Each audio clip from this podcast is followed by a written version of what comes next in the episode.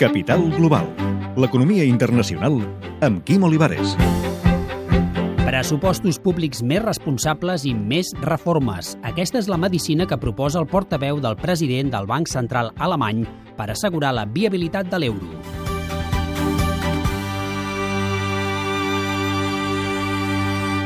Ich glaube, wir müssen unterscheiden zwischen dem Aufbau der Bankenunion. El CIDOB de Barcelona, convidat per l'Acadèmia Europea de Berlín, Michael Best, es preguntava això. Es necesario trasladar las políticas económicas y presupuestarias al ámbito europeo para que la unión monetaria funcione?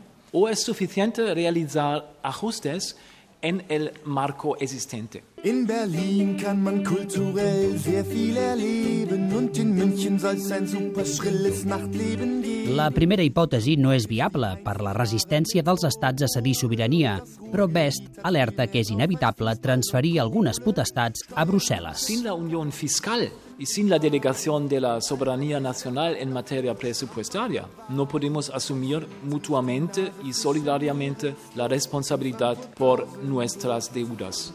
Ello intensificaría más bien las tensiones existentes dentro de la Unión Económica y Monetaria en lugar de eliminarlas. Amb aquest exemple es veu més clar. Si todos los que estamos en eh, esta sala fuéramos titulares de una misma cuenta bancaria por la que respondemos solidariamente, ninguno de nosotros podría utilizar individualmente una tarjeta de crédito libremente y realizar las compras que le parezca. Tendríamos que hacer un presupuesto común y decidir juntos sobre todos los gastos, es decir, crear una unión fiscal.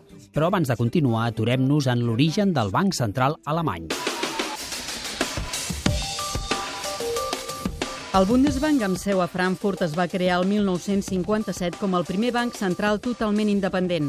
Tenia un mandat clar, mantenir estable el marc alemany limitant la inflació. Va esdevenir el banc central més poderós d'Europa. El 1992, el president de la Comissió Europea, Jacques Delors, va sentenciar no tots els alemanys creuen en Déu, però tots creuen en el Bundesbank. El 1999 es va crear el Banc Central Europeu, però el Bundesbank continua sent un actor clau per establir la política monetària de tota l'eurozona.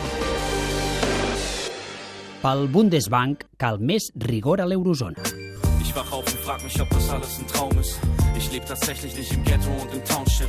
Glück ist, wenn ich spüre, wie sie zärtlich meine Haut küsst. Und wenn die nackte Schönheit neben mir meine Frau ist. Ich stehe auf Ho té clar el portaveu del president del Banc Central alemany.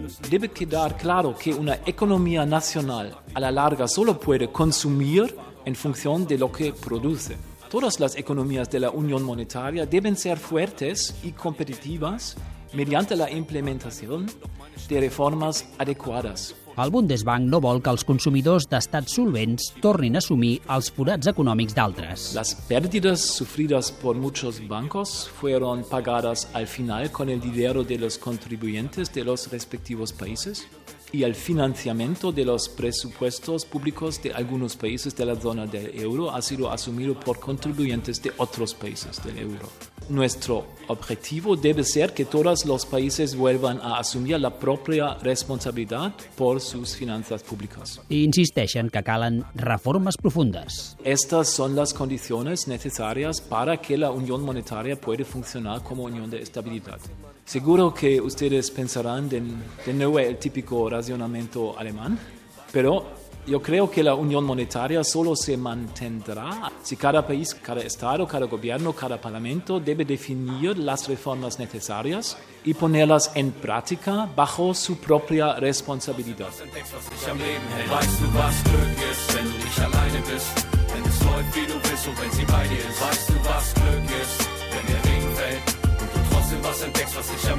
Weißt du, was Glück?